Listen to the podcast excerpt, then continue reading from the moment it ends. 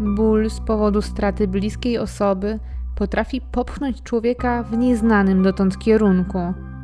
Nie zawsze jednak jest to dobry kierunek i czasem potrzebna jest fachowa pomoc.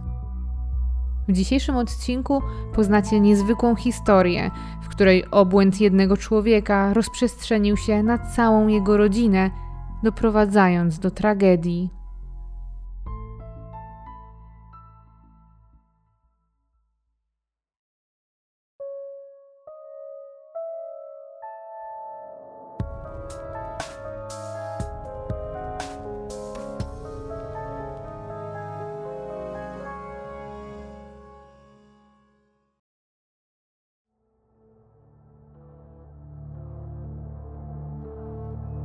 Był ciepły lipcowy poranek 2018 roku.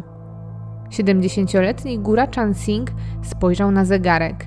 Zbliżała się siódma rano, a jego przyjaciela Lalita wciąż nigdzie nie było. Obaj mężczyźni od wielu lat mieli pewnego rodzaju rytuał. Codziennie rano udawali się na spacer do pobliskiego parku, żeby zaczerpnąć odrobinę świeżego powietrza.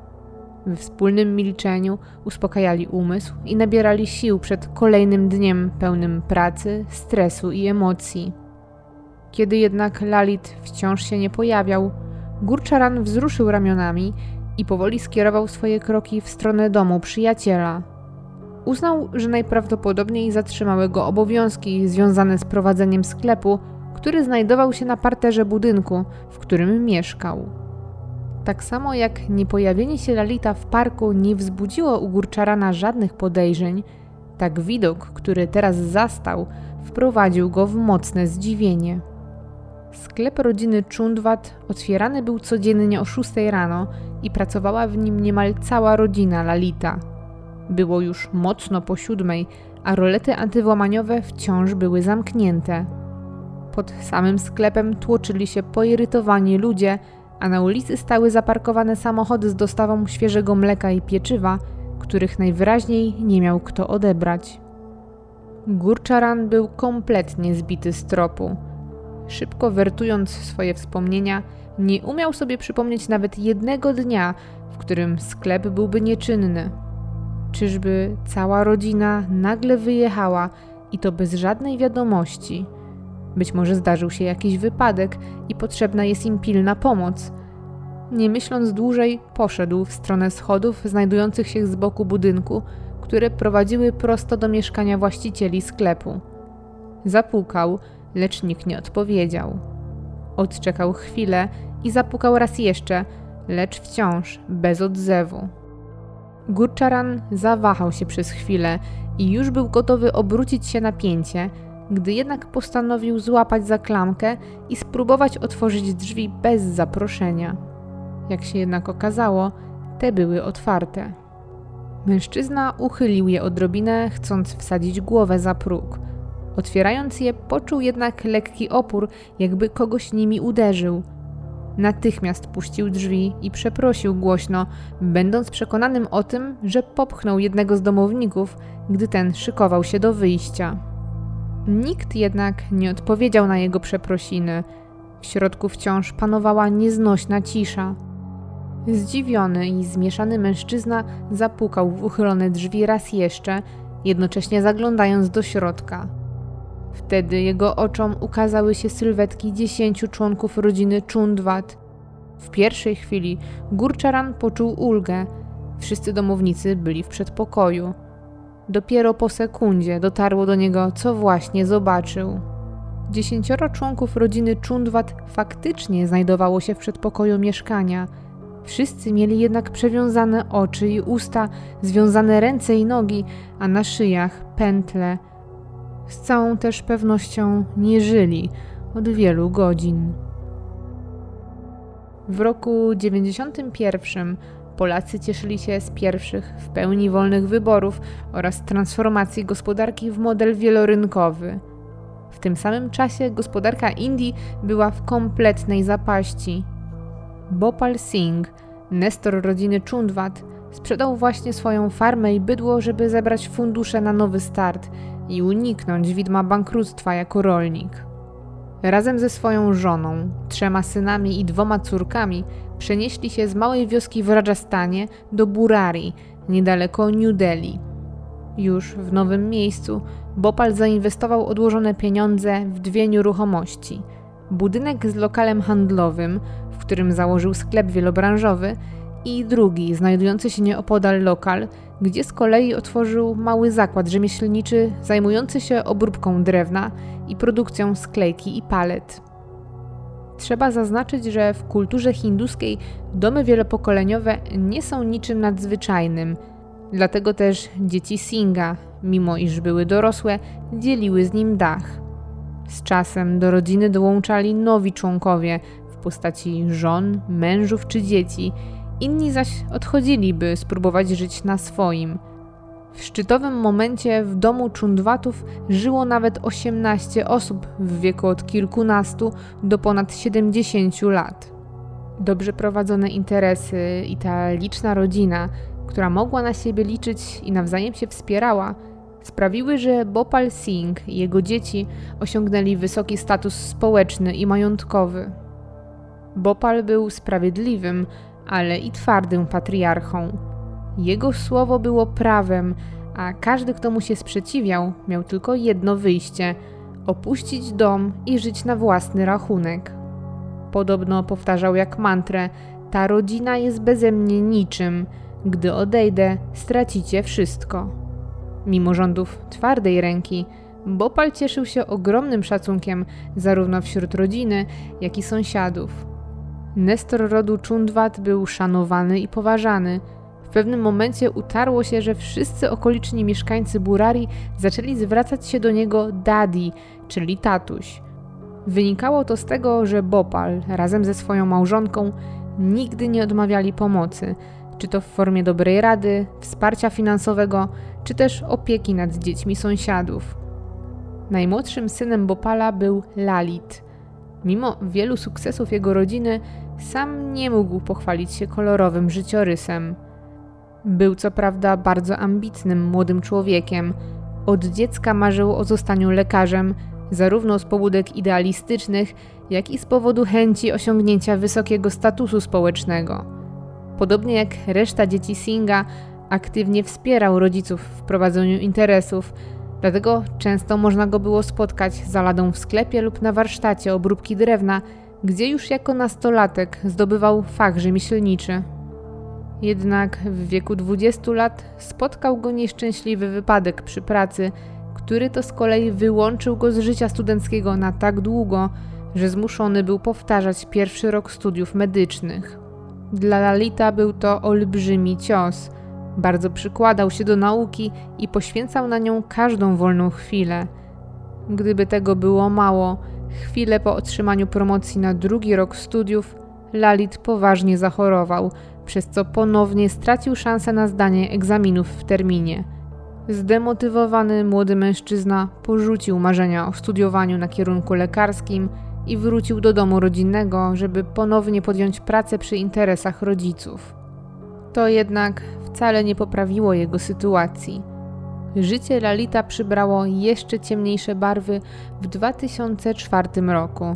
Był weekend, zbliżał się wieczór, kiedy wtedy ponad 30-letni mężczyzna postanowił udać się do warsztatu obróbki drewna, który powoli przejmował po ojcu. Chciał tego dnia zająć głowę pracą. Gdy dotarł na miejsce, okazało się, że roleta antywłamaniowa jest lekko otwarta, a kłódka zniszczona. Lalit znalazł się w nieodpowiednim miejscu i nieodpowiednim czasie. Wchodząc na teren zakładu, natychmiast spostrzegł kilka zamaskowanych postaci. Próbował ratować się ucieczką, ale napastnicy szybko go pochwycili i zaciągnęli z powrotem do warsztatu, gdzie został dotkliwie pobity, a następnie zasypany stertą drewna i podpalony żywcem. Mimo, że Lalit ostatecznie wydostał się z płonącej pułapki bez większych obrażeń na ciele, to umysł chłopaka zmienił się nie do poznania. Z radosnego, młodego mężczyzny zamienił się w cień człowieka. Stres pourazowy doprowadził go do stanu, w którym kompletnie przestał się odzywać.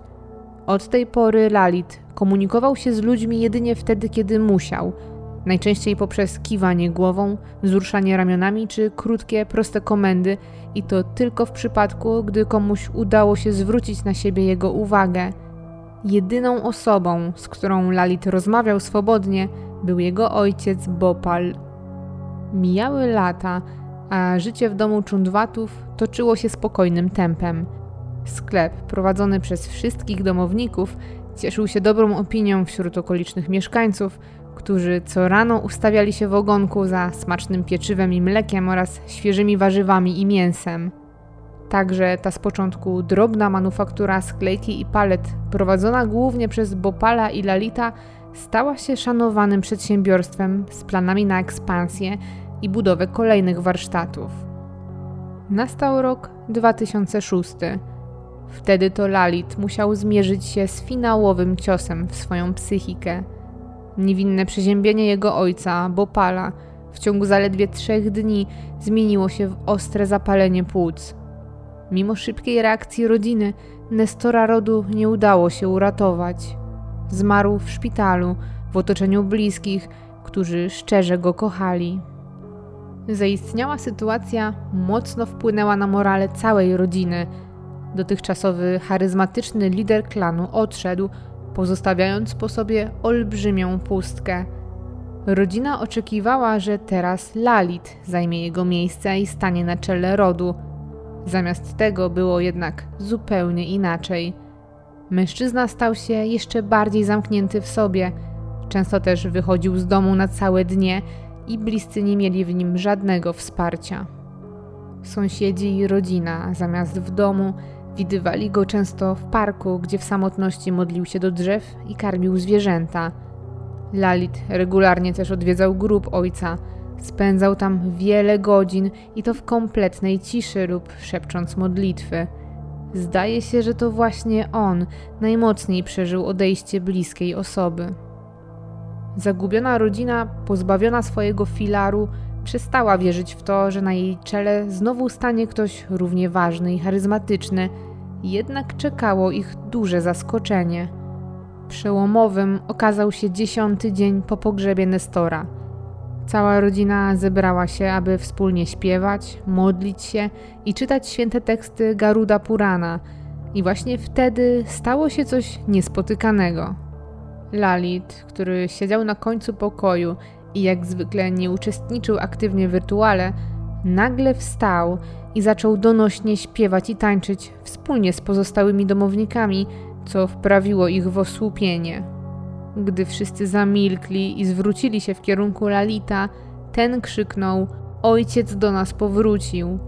Był to pierwszy raz od trzech lat, kiedy członkowie rodziny Czundwat zobaczyli roześmianego, wesołego i tańczącego Lalita, który na dodatek wreszcie przemówił pełnym zdaniem po trzech latach ciszy. Od tego momentu Lalit stał się godnym następcą swojego ojca. Prowadził teraz rodzinę, z którą szczęśliwie żyli kolejne 12 lat. Z pozoru było to 12 lat szczęścia, dostatku i sukcesów, ale dokładne śledztwo i przeszukanie miejsca zbrodni pozwoliło odkryć, że w rzeczywistości było to kilkanaście lat pilnowania sekretów, despotyzmu, tajemniczych rytuałów i utrzymywania pozorów. Gdy sąsiad i przyjaciel Gurczaran otworzył w końcu z trudem drzwi do mieszkania wielopokoleniowej rodziny i zrozumiał, co widzi, natychmiast zadzwonił na policję.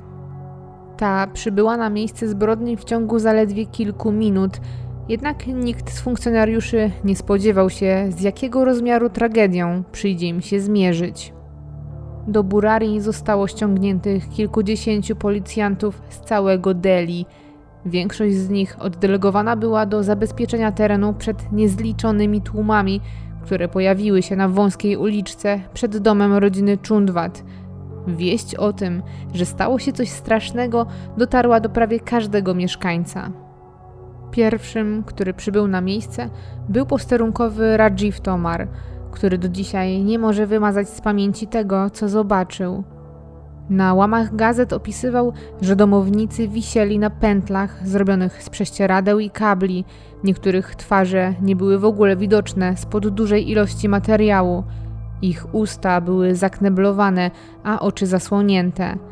Wspólnie wyglądali niczym gałęzie figowca bengalskiego, drzewa o osobliwym wyglądzie, którego gałęzie puszczają pionowe pędy i ukorzeniają się w podłożu, tworząc w ten sposób niezwykle charakterystyczne drzewo o dziesiątkach pni. To, co odnaleziono w niepozornym mieszkaniu nad sklepem, przerosło wyobrażenia najbardziej doświadczonych policjantów. Przedsionku znaleziono aż 10 ciał, jednak ofiar było 11.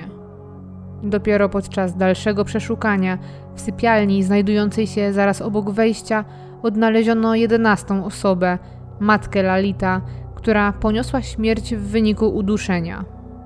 Mimo widocznych siniaków na szyi, policja nie znalazła niczego, co wskazywałoby na jakąkolwiek próbę obrony z jej strony. I co ciekawe, identycznie było w przypadku wszystkich pozostałych członków rodziny. Brak śladów walki skłonił więc śledczych w pierwszej kolejności do postawienia hipotezy o tym, że domownikom podano jakieś środki uspokajające lub narkotyki. Jednak te domniemania zostały obalone już następnego dnia, kiedy testy laboratoryjne i badanie zawartości żołądka nie wykazały obecności żadnych dodatkowych substancji. Na krótką więc chwilę śledztwo zwolniło, bo nikt nie miał pomysłu, co dokładnie się tutaj stało. Każda próba wyjaśnienia wydawała się być zupełnie nielogiczna.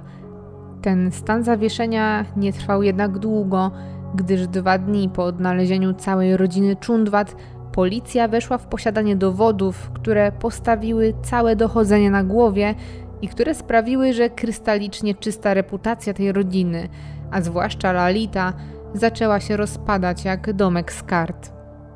Pierwszym szokującym tropem było nagranie z kamery przemysłowej znajdującej się naprzeciwko domu Czundwatów. Kamera ta uchwyciła żonę i szwagierkę Lalita niosące stołki, z pomocą których cała rodzina targnęła się na swoje życie. Na nagraniu widać również syna i bratanka Lalita niosących ze sobą kable, które również zostały wykorzystane tamtej nocy – jednak to nie fakt gromadzenia narzędzi zbrodni przez sporą część rodziny jest tu przerażający, lecz sposób, w jaki na nagraniu zachowują się ofiary. Na pierwszym wideo widzimy dwie zrelaksowane kobiety, które podczas noszenia przedmiotów zajęte są rozmową i wyglądają na całkowicie spokojne. Również ich synowie nie wykazują śladu troski. Wszyscy zachowują się, jakby to był kolejny zwyczajny wieczór, a zadanie, które wykonują, było kolejnym domowym obowiązkiem. Ciężko uwierzyć, że chwilę później wszyscy byli martwi. W dalszej części nagrania widzimy też brata Lalita, który jakby nigdy nic wyprowadza psa na spacer i rozmawia przez chwilę z sąsiadami o jakichś przyziemnych sprawach. Jak zeznały później osoby widoczne na nagraniach, nic nie wskazywało na to, że nadciąga tragedia Wszyscy zachowywali się zupełnie normalnie i wręcz radośnie.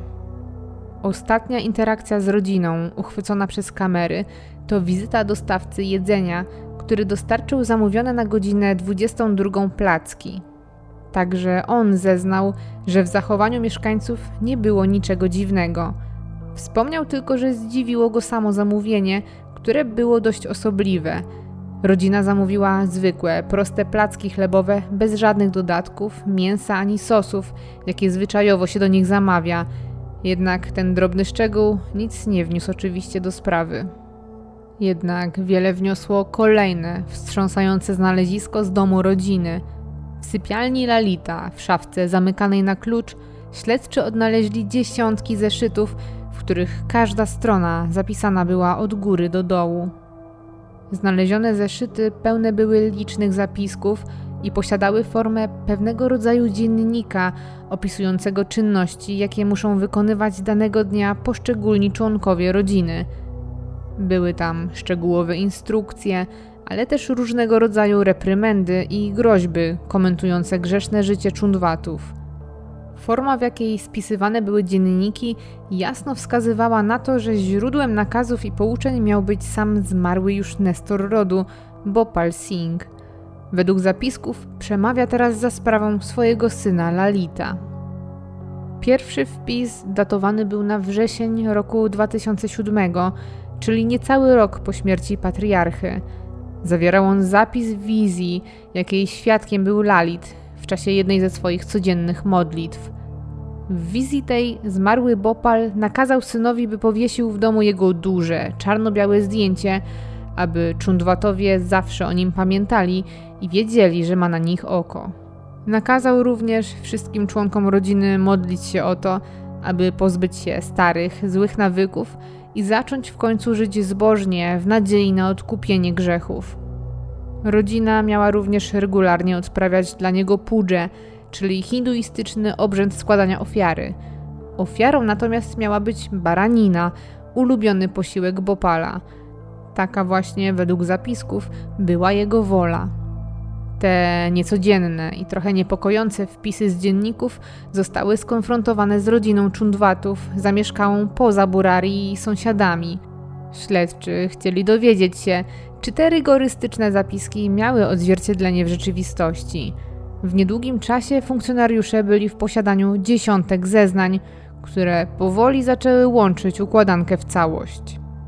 Jeden z pracowników Lalita przekazał policji, że ten wielokrotnie otwarcie opowiadał o swoich wizjach, w których ukazywał mu się jego ojciec i który przekazywał mu rady, jak postępować, aby stać się lepszym człowiekiem i jak zwiększyć dobrobyt w swojej rodzinie.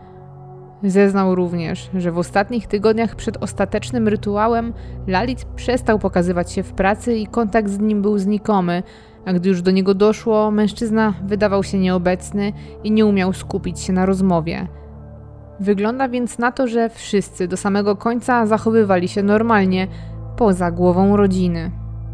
Inni mieszkańcy Burarii również przekazali policji podobne doniesienia. Także ich zdaniem Lalit nie krył się ze swoimi wizjami i skrajnymi poglądami religijnymi.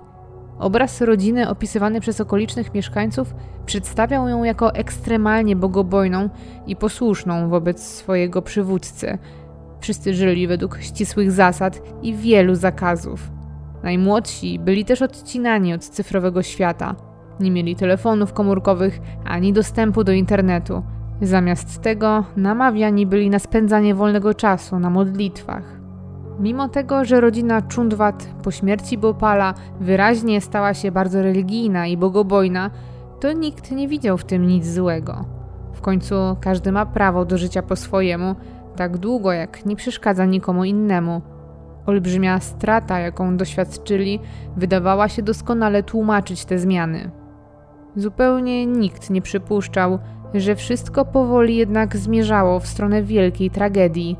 Zwłaszcza, że każdy z członków rodziny Lalita prowadził wciąż swoje własne życie i interesy, i nikt z zewnątrz nie przypuszczał, że życie kogokolwiek z tej rodziny jest w jakiś sposób ograniczane czy kontrolowane. Dopiero zagłębienie się w notatki, jakie pozostawił po sobie Lalit, dały śledczym pełen obraz rzeczywistości, zarówno relacji wewnętrznych w rodzinie, jak i tego, co dokładnie stało się ostatniej nocy ich życia. To właśnie nagła śmierć Bopala i przemiana Lalita ze zdystansowanego introwertyka w charyzmatycznego przywódcę przekonała bliskich do tego, że Lalit faktycznie stał się inkarnacją ich ukochanego Nestora, którego bardzo im brakowało. Oczywiście nie stało się to w jeden dzień, a było powolnym, wieloletnim procesem. Czundwatowie zaczęli z czasem zauważać, że Lalit przyjął różnego rodzaju przyzwyczajenia i cechy osobowości Bopala, których sam wcześniej wcale nie przejawiał – nawet jego sposób wypowiedzi czy tembr głosu zaczął być lustrzanym odbiciem swego ojca. Mężczyzna otwarcie oznajmiał rodzinie, że w snach i podczas modlitw odwiedza go Nestor rodu i przekazuje mu wskazówki mające na celu zapewnić rodzinie spokojne i bezpieczne życie na ziemi, a następnie przejście do lepszego świata, aby do niego dołączyć. Wszyscy nie tylko wierzyli w te słowa, ale i niezwykle ich one cieszyły. Nowy Lalit w pewnym sensie sprawiał, że ich zmarły ukochany Daddy wciąż nad nimi czuwał i wciąż ich prowadził. Najbardziej oddane Lalitowi były żona i szwagierka, które to, zdaniem grafologa, prowadziły dzienniki w jego imieniu. Konfrontując ten fakt z zeznaniami sąsiadów, można dojść do wniosku, że były one też odpowiedzialne za pilnowanie porządku w rodzinie i egzekwowanie woli Bopala, czy też właściwie jego syna, przekonanego o tym, że jest opętany przez swojego ojca. Miał więc on olbrzymią pomoc w tym, żeby realizować swój plan. Pozostawione dzienniki nie tylko więc nakreśliły obraz życia rodzinnego i tego, co latami działo się w tym domu, ale też wyjaśniły, co dokładnie stało się tragicznej nocy. A o tym ze szczegółami przeczytać można było w ostatnim wpisie z dziennika Lalita. Opisywany w nim jest obrzęd o nazwie Batta Pasja, co przetłumaczyć można na wielbienie figowca. Zgodnie z opisem, każdy z członków rodziny miał zawisnąć niczym pęd bengalskiego drzewa figowego. Ofiary miały mieć związane ręce i nogi oraz zasłonięte usta, oczy i uszy. Lalit opisywał, że w kulminacyjnym momencie obrzędu do ich domu wkroczy sam Bopal Singh, żeby uwolnić ich z więzów, a potem wspólnie spożyć skromny posiłek, stąd przedziwne zamówienie placków. Następnie miałby ich pobłogosławić i odmienić ich życie na zawsze. Lata programowania umysłów członków swojej rodziny przez Lalita zaowocowały ślepym posłuszeństwem, najpierw w życiu codziennym, a także w tej ostatecznej chwili. Każdy obecny w czasie rytuału przekonany był, że jest to tylko kolejne zadanie, jakie postawił im Lalit w imieniu Bopala i że po jego zakończeniu życie znowu wróci do normy, tylko tym razem stanie się jeszcze bardziej obfite w dobrobyt. O tym, że do samego końca rodzina była przekonana, że nic jej nie grozi, mówią dwa fakty. Po pierwsze, u ofiar nie było jakiejkolwiek próby uwolnienia się z pętli. Część czundwatów zawiesiła swoje pętle tak nisko, że powieszenie się na niej wymagało jedynie ugięcia kolan. Oznacza to, że osoby te mogły w każdej chwili zwyczajnie wstać. Jednak tego nie zrobiły, ślepo wierząc Lalitowi. Drugim faktem jest to, że każda z ofiar posiadała plany na przyszłość. Rytuał nastąpił w lipcu, a na grudzień planowane było huczne wesele siostrzenicy Lalita, Priyanki. W organizację zaręczyn, a następnie wesela, mocno zaangażowani byli sam Lalit i jego żona. Informacje tego typu mogą wskazywać na to, że być może on sam również mógł wierzyć w swoje szaleństwo i mógł być przekonanym o tym, że po rytuale życie wróci do normy – czy tak faktycznie było, nigdy się nie dowiemy, bo Lalit zabrał wszystkie swoje motywy i tajemnice ze sobą. Wiele jednak wskazuje na to, że w przypadku tej sprawy cała rodzina za namową jednej osoby targnęła się na swoje życie. Prawdopodobnie też Czundwatowie, omamieni wieloletnią indoktrynacją, nie byli świadomi konsekwencji i nie zdawali sobie sprawy, że to, co robią, jest nieodwracalne w skutkach. Według specjalistów Lalit cierpiał na zaburzenia urojeniowe, w które uwierzyli także jego bliscy, którzy stali się ofiarami wspólnej psychozy. Opowiedziana dzisiaj historia pokazuje, jak w odpowiednich okolicznościach szaleństwo jednego człowieka może doprowadzić do gigantycznej tragedii. Rodzina Czundwatów, która od zawsze szukała podpory w nestorze rodu Bopalu, nagle pozostała sama – doprowadzona na skraj rozpaczy, w tęsknocie za ojcem i dziadkiem, gotowa była uwierzyć w proroctwa i opętanie Lalita do tego stopnia, że byli skłonni wskoczyć za nim w ogień. Dosłownie. Charyzmatyczny lider, ślepi wyznawcy, obietnica zbawienia, bogactw i szczęśliwego życia. Sprawy tego typu pojawiają się na całym świecie – Historia na pierwszy rzut oka szczęśliwej i zżytej rodziny Czundwatów pokazuje, że taka tragedia może wydarzyć się wszędzie, niezależnie od kultury, koloru skóry i poglądów. W każdym aspekcie życia ważne jest, by zachować umiar i zdrowy rozsądek. Serdeczne podziękowania dla moich szczególnych patronów, dla Maćka, Olgi, Kasi, Piotra ani, Aliny i Łukasza oraz reszty wspierających mnie. I Ty możesz wesprzeć moją twórczość na patronite.pl ukośnik Olga Herring lub obserwując moje media społecznościowe. Wszystkie linki znajdziesz w opisie filmu.